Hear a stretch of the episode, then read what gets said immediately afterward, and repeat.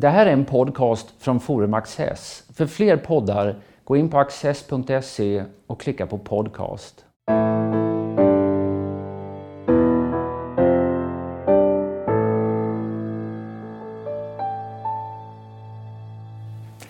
Välkomna till Studio Access.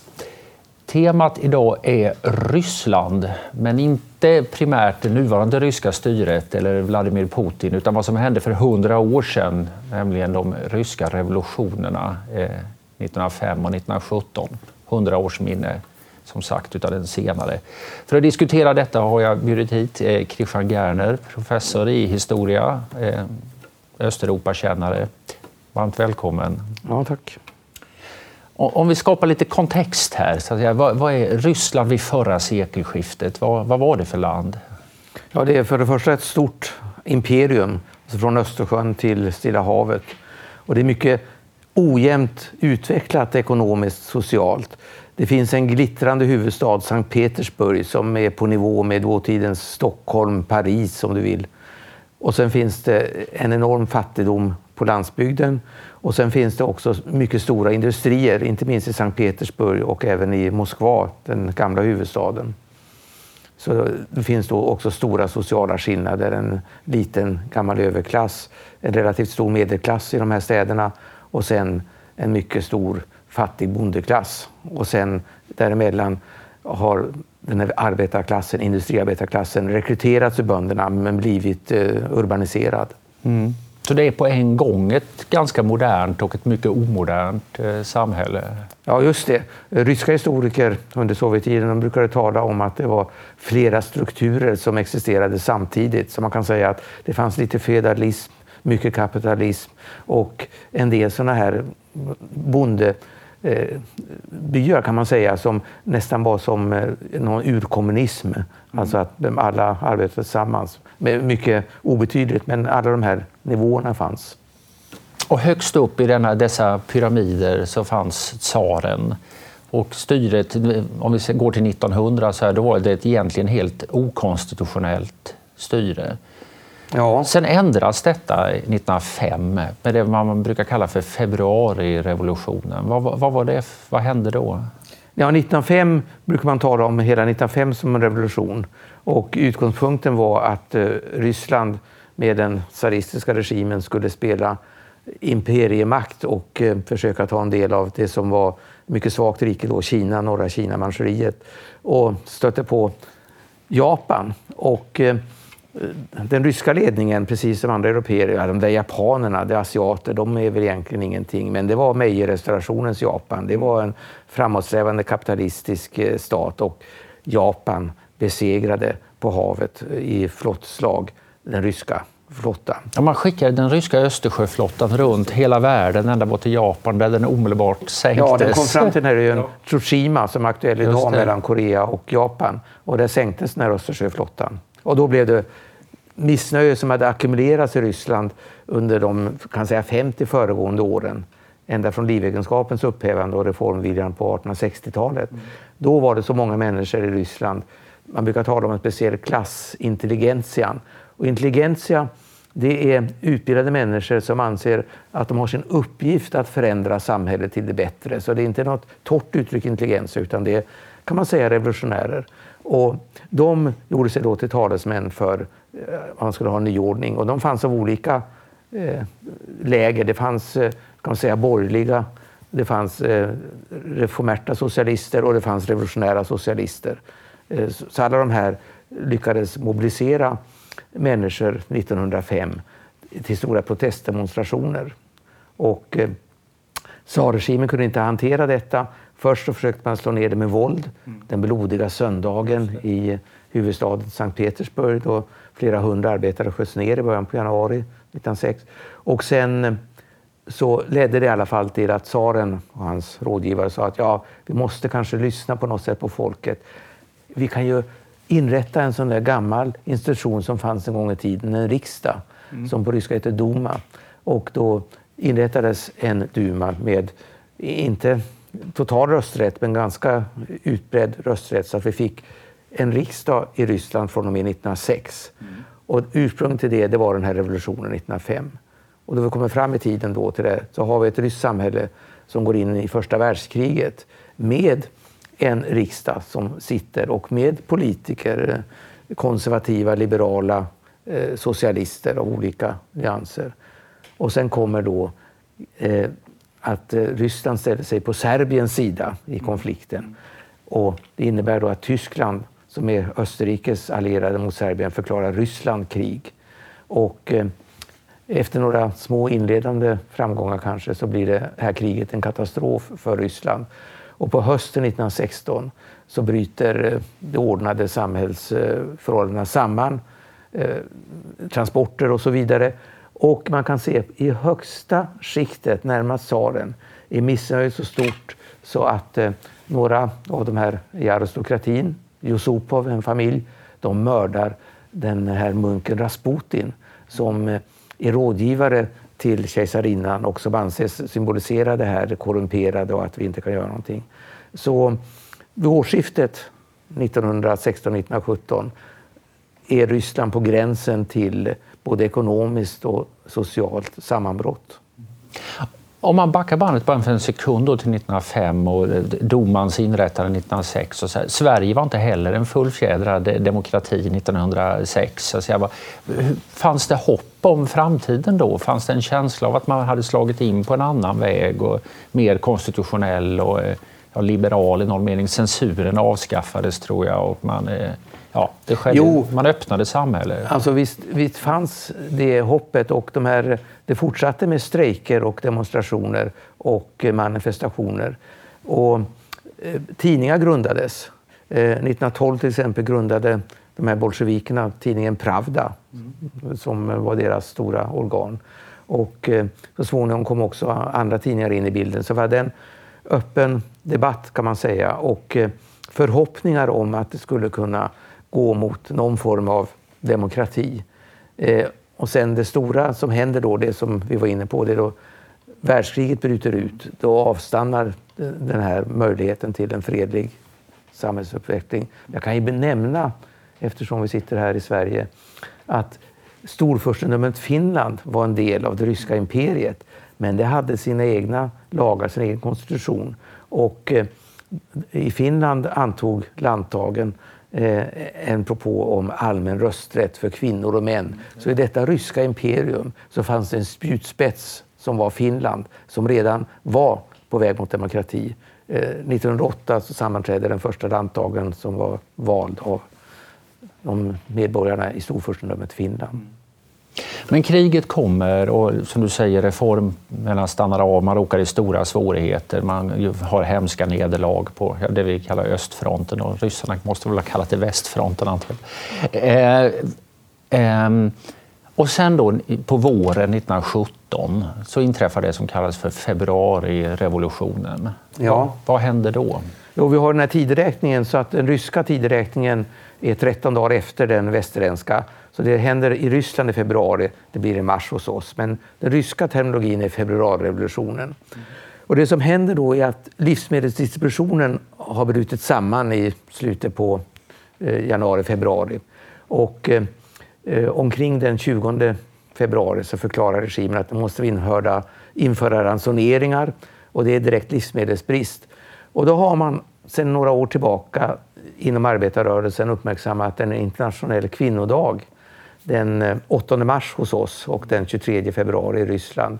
Och då är det några, inte de som sen tar makten, bolsjevikerna, men några av de här socialisterna som säger ja, men skulle inte kvinnor kunna gå ut nu och manifestera för bröd och slut på kriget? Och det är textilarbeterskor, arbetarkvinnor, som verkligen hörsammar det där. Och eh, jag vill understryka att då börjar den här revolutionära händelsen på det sättet att eh, kvinnor från den stora arbetarstadsdelen på Viborgssidan de eh, går söderut, det här är norr om Neva, söderut och vill komma fram till domaren sammanträder i eh, Tauriska palatset. Och så kräver de bröd och slut på kriget för vi är hustrur och eh, till soldaterna som slåss för fosterlandet och våra barn är deras barn. Så att jag vill bara understryka det att på något sätt så säger man att vi är ju patrioter och just därför så kräver vi det här så det, det är en ganska intressant historisk moment där, där man kan se att det skulle kunna bli en utveckling i en sorts demokratisk allomfattande riktning. Och, och var består själva revolutionen? Ja, revolutionen består mycket enkelt i, och det har Lenin sagt bra också, då de styrda inte längre har förtroende för de som styr och de som styr inte längre vet vad de ska göra. Och jag kan säga att eh, det var ju demonstrationer och strejker i Ryssland tidigare. Det hade varit stora sådana i, så sent som 1912. Mm. Och det hade alltid slagits ner av både poliser och eh, kosackregementen. Mm. Det som händer nu är att eh, eh säga, guvernören för Petrograd, som huvudstaden då heter för att det inte ska låta tyskt efter världskrigets utbrott, han kommenderar ut polisen och försöker också få militären att gripa in.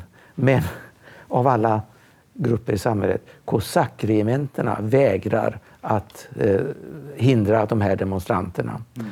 Och eh, det här är då eh, den 23 eh, februari, 8 mars. Bara någon dag senare, 24, 25 och 9 10 mars, så är det stora, jättestora demonstrationer och strejker i hela huvudstaden. Och man kommer närma sig de här regeringsbyggnaderna. Och på ett torg, där det ligger en kyrka, en här stor plats framför stationen, järnvägsstationen till Moskva. Där kommenderas poliserna ut och börjar skjuta på demonstranterna. Då angriper kosackregementena poliserna. Och sen händer det att det finns regementen förlagda i huvudstaden. Och regemente efter regemente säger ja vi bildar också arbetarråd och soldatråd. Vi stöder de här som kräver demonstrationer. Så det blir en massmobilisering. Mm. Mm. Och då leder detta till att den sittande regeringen får eh, lämna och en, eh, en ny sorts regering kommer till. Ja, alltså vi har ju redan en regering, men den har inte varit ansvarig för eh, Duma. Man hade ju ingen sån Nej, riktig författning, ja. utan för tsaren. Och de sammanträder snabbt och säger vi måste bilda en provisorisk kommitté bara, ingen regering än. Och så skickar de de tsarvänliga konservativa dumaledamöter, ett par stycken, till tsaren som befinner sig i staden Pskov han har tagit det är sydvästra Ryssland, det är ganska nära fronten. Då det här hände den 23 februari, då var tsaren i eh, högkvarteret. Och när han fick reda på det här, först förstod han inte vad det handlade om. Han sa att du kanske borde återvända. Och så kommer han till Pskov och då skickar de dit de här från eh, Duman-representanter och förklarar för tsaren, du måste nog avgå här. Ja, men då kan min bror bli tsar istället och brodern Michail, eh, tsaren Nikolaj, Michail, nej, det vill jag inte. Och sen så är det kört för, och då är vi framme vid, eh, i vår tidräkning, den 3 mars ungefär. Mm. Då... Nej, 16 mars, 3 mars med den ryska. Ja, just det. Tsaren avgår. Ja, tvingas avgå. Och man får en ny, eh, ja, kan man kalla det en demokratisk regering? Nej, det, det roliga, det roliga intressanta är att vi får det som man här kallar för dubbelmakt.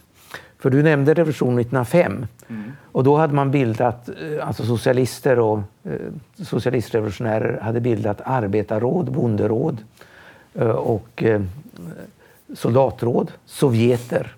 Och nu, bara några dagar efter de här demonstrationerna, säg den 25 mars, 10, 25 eh, februari, 10 mars, ja, men vi måste återbilda Petrograd-Sovjeten.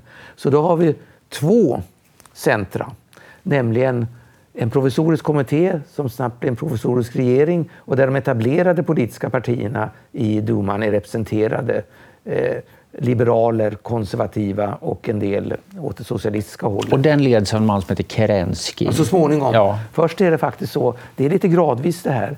En adelsman som bär titeln furst Lvov han blir faktiskt regeringschef de första månaderna efter februarirevolutionen. Men det är alldeles riktigt, Kerensky blir försvarsminister och det är han som så småningom blir premiärminister. Men det är så att säga den här lite reformer, reformerta mm. övergången. Men sen Petrograd-Sovjeten, eh, rådet, där blir det då socialdemokrater och de är då både eh, mensjeviker och bolsjeviker, kommunister som de blir senare. Mm. Och så fanns det i Ryssland mycket stort parti som hette socialistrevolutionärer där Kerensky också var med och det byggde på någon sorts rysk socialism som inte var utpräglat marxistisk. Mm. Och de började utfärda dekret och om vad man ska göra så att plötsligt har vi två maktcentra i huvudstaden och sen sprider sig under mm. våren eh, och sommaren den här revolutionära rörelsen över hela riket. Och då måste vi eh, röra oss genom Europa till en annan, en av de huvudpersonerna, huvudpersonen i det kommande dramat här, nämligen Lenin. Ja. Eh, och han sitter då, han är i landsflykt sedan lång tid tillbaka, ja. 20 år nästan, 17 år tror jag, ja. eh, och bor i Zürich och blir plötsligt varse här att den revolution han har hållit på att drömma om, eh, den äger rum. Februarirevolutionen har inträffat, tsaren har avgått och han måste ta sig tillbaka eh, till, eh, ja, till Ryssland. Ja, visst. Och då, det pågår världskrig så han fraktas genom Tyskland här i en mycket mytisk resa. Var det, var det tyska regeringen som såg en möjlighet att här eh, sätta en torped under vattenlinjen på sina ryska fiender genom att skicka hem den här bråkstaken? Ja, det där är den, den eh, stora frågan. Och, eh, i den gamla sovjetiska historieskrivningen så ville man inte höra talas om den här tysk förbindelse. Och i den antisovjetiska säger man att Lenin var tysk agent. Och numera så är det väl ganska väletablerat av olika forskare Eh, att eh, det som hände var att den tyska generalstaben, alltså militärledningen, de var givetvis oerhört intresserade av att man skulle kunna försvaga eh, Ryssland. Kriget pågick ju för fullt. Och eh, några män omkring eh, Lenin, Parvus var en som kallades och Jakob Fürstenberg en annan, de var förmedlare kan man säga och såg till att eh, den tyska regeringen och generalstaben kunde kanalisera medel för att Lenin skulle få möjlighet att eh, eh, resa med det här tåget och en hel kontingent av människor som reste genom hela Tyskland och som sen fick eh, pengar, inte minst för att skaffa vapen och sånt. Men min uppfattning är att det var inte så att Lenin och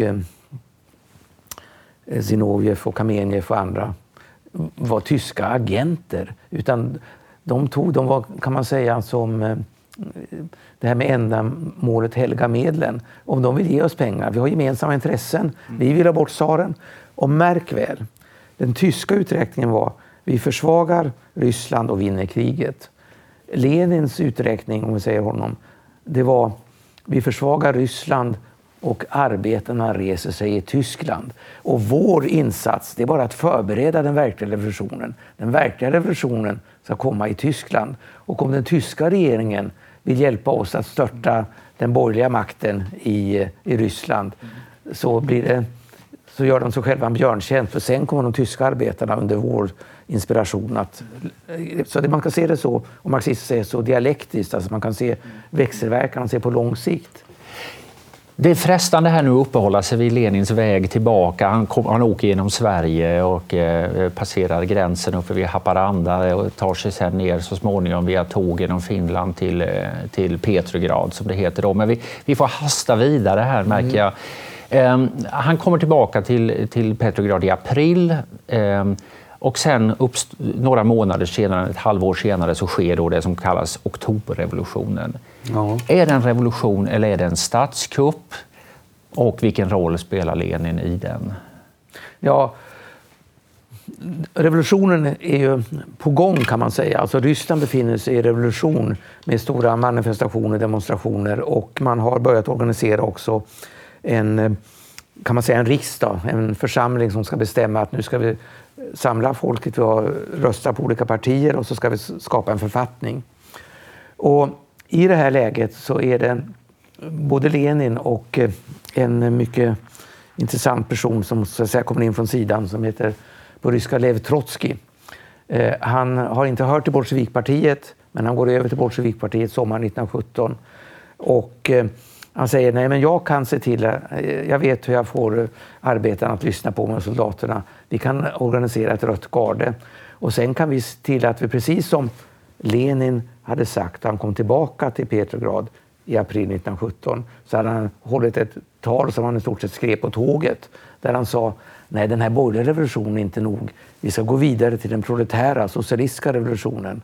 Och eh, eh sen var det rätt stora oroligheter i eh, Petrograd sommaren 1917, och säger juli, augusti. Och en eh, general från den gamla ordningen försökte på något sätt rädda situationen för den provisoriska regeringen. Men det slogs tillbaka. den provisoriska regeringen höll på att förlora all makt. Och då kan man säga att eh, Lenin och Trotskij kunde säga att vi har de här röda garderna mm. och vi har till och med inom Sovjeten en militärkommitté så att vi har beväpnade arbetare, lojala och nu har vi världens chans att skynda på det hela. Så låt oss ta makten. Och då kan man säga att det är ett militärt maktövertagande men eh, kupp är svårt att säga eftersom det är en regering, Kerensky, som redan har gett upp regeringschefen. Han, är då, han flyr eh, i en bil som man tar utanför amerikanska ambassaden i Petrograd. Eh, och det, själva det här oktober, det är mycket oblodigt. Alltså det är, människor dör, men det är ett fåtal som blir offer för det. Utan den här regeringen ger upp. Så, så visst, alltså det är en statskupp på det sättet att det är en liten grupp som tar makten med militära medel och sen använder militära medel för att förhindra den här församlingen som hade valts att sammanträda sen en månad senare, eller två månader senare. Så på det sättet kan man säga att det är en kupp. Men det är en del, skulle jag vilja säga, av den revolutionära processen i Ryssland 1917. Mm. Och sen är det de som kommer utöver sig, de som är tuffast. Eh, man brukar jämföra dem med ungefär Robespierres falang. Det. Och det vill jag också understryka. Lenin och Trotskij, de hade säga, två modeller. Det ena var Frankrike, den franska revolutionen. Och det var också Pariskommunen 1917, äh, 1871. Mm. Och de säger att nu återskapar vi det rätta. Så det, deras subjektiva uppfattning var att på längre sikt blir det här en folkmakt. Mm. Medan de andra säger nej men så här ska det inte gå till. Vi, vi har ju valt en församling och människor har röstat. Och det är klart att vi ska ha ordning och reda. Men efter oktoberrevolutionen då, eh, och sen i början av nästa år, början av 1918, eh, så kan man säga att den sista spiken slås i den demokratiska kistan. Utan då tar bolsjevikerna helt enkelt makten och ja. kommandot. Och om, eh, om då den här oktoberrevolutionen hade varit förhållandevis oblodig så blev det desto blodigare eh, därefter. Ja. Med Lenin vid rodret. Ja. En del, eh, ganska många, inom, inte minst inom vänstern, har ju liksom velat skilja på den onde Stalin och den godare, inspirerande Lenin. Eh, vad är dina tankar kring det? Ja, vi kan fortsätta den franska modellen. Och både Lenin och Trotskij, och Trotskij var alltså med, eh, lika viktig som Lenin fram till 1920 ungefär. De övertar eh, terror, och det på ryska blir det terror, alltså de inför den röda terrorn. Och det är en riktigt blodig... Nu ska vi göra slut på alla motståndsfickor. Vi ska krossa kyrkans eh, lilla ideologiska makt och hänga prästerna och så vidare. Och givetvis expropriera alla kapitalister och så vidare.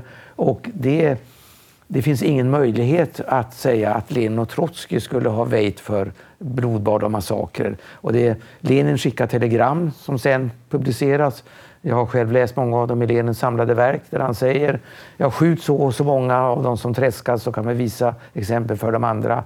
Så det är på liv och död. Och eftersom det är på liv och död så är det vår rätt att döda de som står emot oss. Så det blir en fruktansvärt blodbad.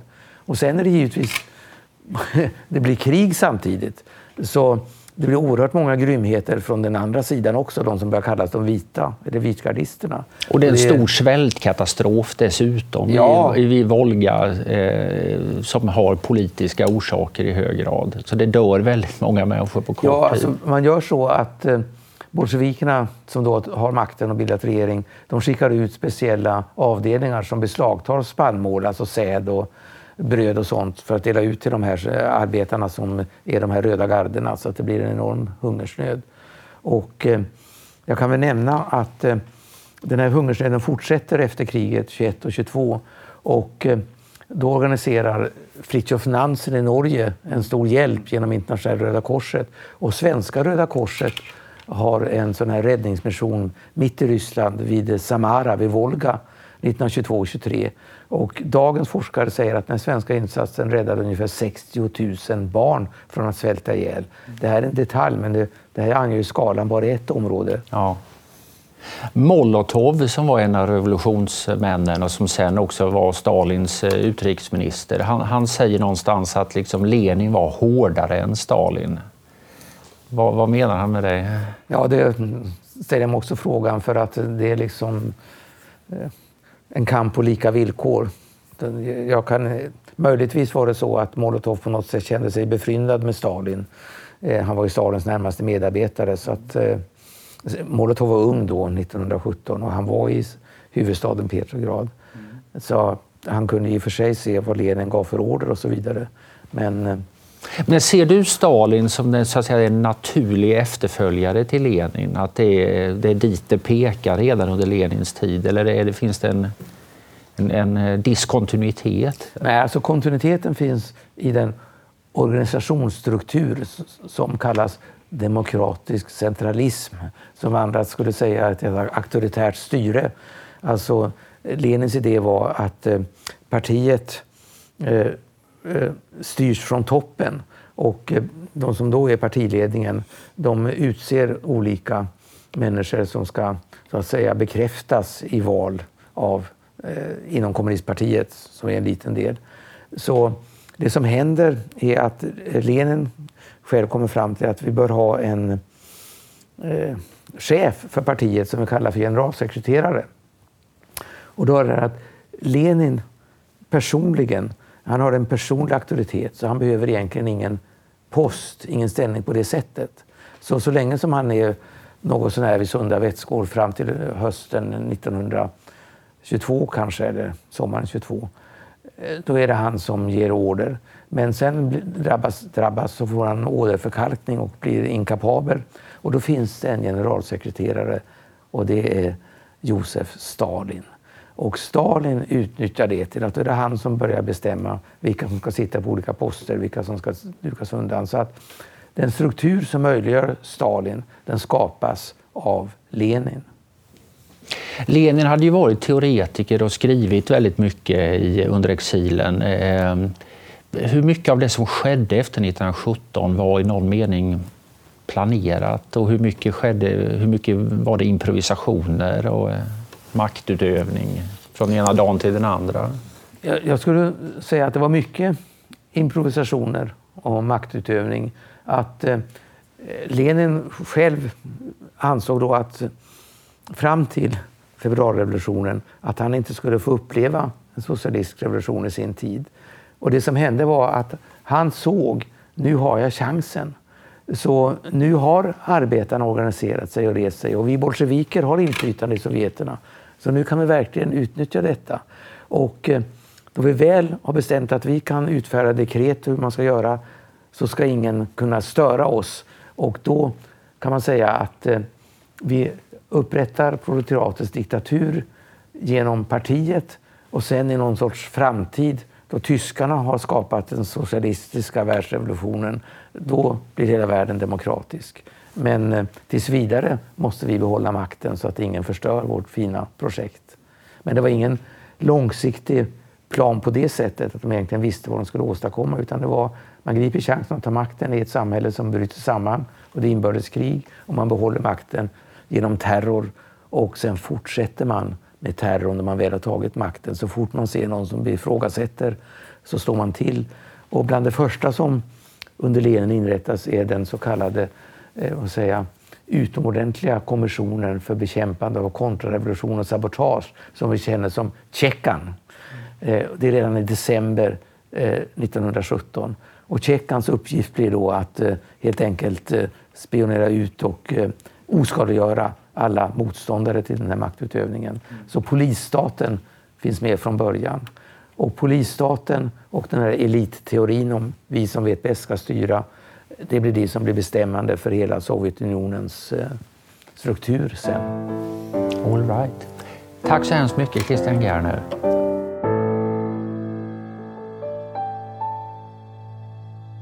Och här kommer några extra minuter med mig och min gäst. Lenin hade den då, den här idén om att man, det är mycket intressant det här du tar upp om hans syn på Tyskland och att det, det måste hända där också. Att det, mm. Han startade ju så att säga det här Komintern väldigt tidigt, alltså en kommunistisk, en sorts övernationellt parti. Så idén var att sprida revolutionen. Det kan man lugnt säga. Det är en av de perioder som jag har studerat i samtida dokument. Och man bildade den kommunistiska internationalen sommaren 1919. Och eh, eh, då höll det på att bli krig med en nyupprättad stat, Polen. Mm. Och eh, 1920 så hade Komintern sin andra kongress i Moskva, som då var huvudstad. Och under tiden pågick kriget mellan eh, Sovjet, Ryssland och Polen. Och då var, i början på kriget, i, eh, eller mitten på kriget, alltså i juni-juli, så vändes det hela till eh, stora framgångar för Röda armén. Så i slutet på juli kunde man se på Kommenderns kongress hur de reste sig och jublade. Nu äntligen kommer revolutionen att sprida sig till Tyskland för att eh, vi besegrar den nya polska staten. Vi kommer fram till tyska gränsen, Ostpreussen och där gör vi halt så de tyska arbetarna ska veta att vi inte tänker angripa dem, men de ska själva ta makten. Och i eh, Danzig, Gdansk, så hamnarbetarna där blockerar eh, transporter till polackerna. Och i Frankrike och England är det protestdemonstrationer för Sovjet-Ryssland mot, mot polackerna. Mm. Så, att, så sent som sommaren 1920 så drömmer Lenin och Trotskij om att nu äntligen kommer revolutionen till Tyskland. Och eh, vi har varit barnmorskan för den stora socialistiska revolutionen. Nu tar de utvecklade tyskarna över. Och Lenin skriver, ja, den socialistiska staten den har två inspirationskällor. Arbetarråden och den planekonomi som Walter Rathenau utvecklade i Tyskland under första världskriget. Mm. Där han ställde hela ekonomin i krigshanteringens tjänst. Så att Lenin är mer känd för det här eh, kommunism Sovjetmakt plus elektrifiering av hela landet. Just det. Men det han skrev, som jag själv har läst, då, det är just det att han säger att nej, den verkliga socialistiska staten det är den tyska organisationsförmågan och den här eh, ryska självhärskar, eh, självförvaltningsdrömmen. Mm. Så där dyker den tyska generalstaben upp igen? Så ja, säga, absolut. På ett fascinerande sätt. Det är rätt ofta bortglömt på grund av olika händelser. Men är det då är det, är det liksom eh, Pilsudski som då var den, den polske ja. eh, eh ledaren eh, som lyckades vinna det här kriget? Ja. Eller i alla fall stoppa, eh, i alla fall stoppa det sovjetiska anfallet där. Ja, var det han som fick bolsjevikerna på andra tankar när det gällde det här? För Stalin blev ju sen väldigt inriktad på socialism i ett land. Ja, alltså det, det var ju helt enkelt att man inte lyckades eh, besegra Polen. Mm. Och det finns två stora anledningar. Det ena var att Röda armén hade avancerat så långt fram till floden Wisła så att eh, det var svårt med logistiken. Mm. Och samtidigt så fick trots allt den polska armén ett visst stöd av franska strateger, några franska generaler som var där, så att hjälpte dem att organisera. De Gaulle tror jag var i, i Polen under detta krig. Ja, det vet jag faktiskt men jag, jag, jag tror att han fanns i, den, i de polska leden på ett ja. eller annat sätt. Men ja. det är alldeles riktigt. Så att efter det kriget, som slutade med ett stillestånd redan på hösten och sen en fred 1921 i Riga mellan Polen och Sovjetryssland. Mm. Då var världsrevolutionen förbi. Eh, då hade man gett upp hoppet om det. Och då var det här, ja men då ska vi behålla den här basen som vi har. Eh, nämligen Sovjetryssland och Sovjetukraina. Och då bildar man vid årsskiftet 22-23 Sovjetunionen. Och poängen är att den har inget namn efter ett folk eller ett område. Den heter bara Unionen av socialistiska rådsrepubliker. Som i princip är, som jag brukar säga, världsöppen. Så att drömmen finns kvar i namnet på staten. Men staten som sådan kommer att av makten betraktas som Rysslands nya framträdelseform. Mm. Och under Stalin så blir Sovjetunionen en rysk maktstat och då försvinner det socialistiska till förmån för den gamla ryska eh, auktoritära självhärskartraditionen. Så plötsligt får vi en paradox i europeisk och världspolitiken. Säg från ungefär 1930 så har vi en stat som heter eh, Sovjetunionen, socialistisk, men som egentligen inte har någonting gemensamt med vad klassikerna eller svenskar hade förstått med socialism. Det är inte Karl Marx socialism, det är inte Friedrich Engels socialism, det är inte Hjalmar Brantings socialism. Men det här också, då blir det en, ett nytt centrum för de som är frustrerade och förtvivlade.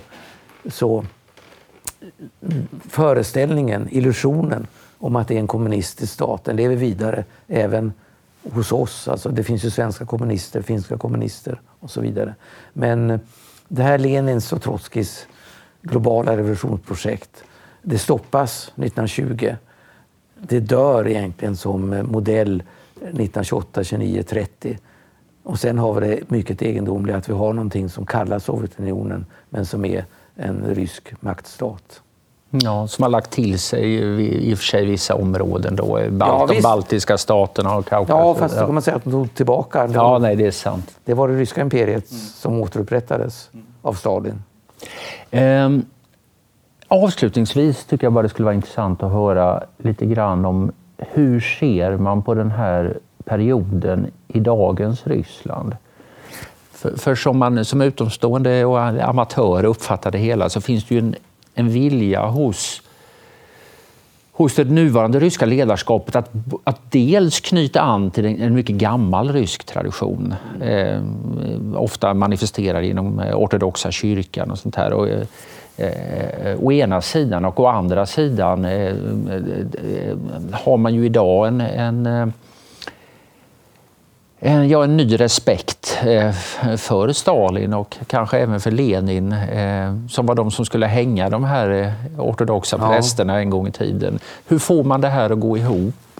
Nej, det får man inte att gå ihop. Säga, så vitt jag kan bedöma och många har tagit upp det, den ryska ortodoxa kyrkan har en sån, idag en så stark ställning i det offentliga livet och som sändare av moral koder och så vidare som den inte har haft sedan tiden för, märk väl, Peter den stores far. Alexej Mikhailovich, alltså en tsar i mitten på 1600-talet. Då, då, fanns det nämligen vissa reformer av kyrkan från tsarmaktens sida. Mm. Och innan dess var kyrkan helt allenarådande kan man säga som normsändare och så vidare. Och sen har det gått Sankt Peters reformer på 1700-talet och hela 1800-talet och så vidare. Och så Sovjettiden som du antydde. Idag har alltså den ryska kyrkan någon sorts eh, ställning i samhället som den inte har haft på 350 år.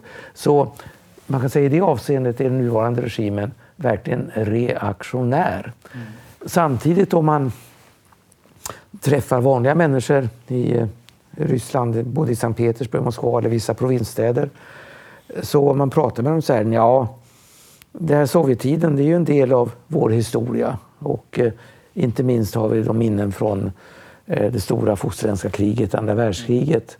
Så eh, om man är i eh, någon, besöker ett ryskt hem då, då man firar varje år segerdagen den 9 maj, då är det alltid ett porträtt av någon som antingen deltog i eller som stupade det stora fosterländska kriget i familjerna. Så i familjehistorierna så lever Sovjetperioden kan man säga som en del av den romantiska traditionen. Men däremot är det inte så att människorna vill återupprätta Sovjetsystemet överhuvudtaget.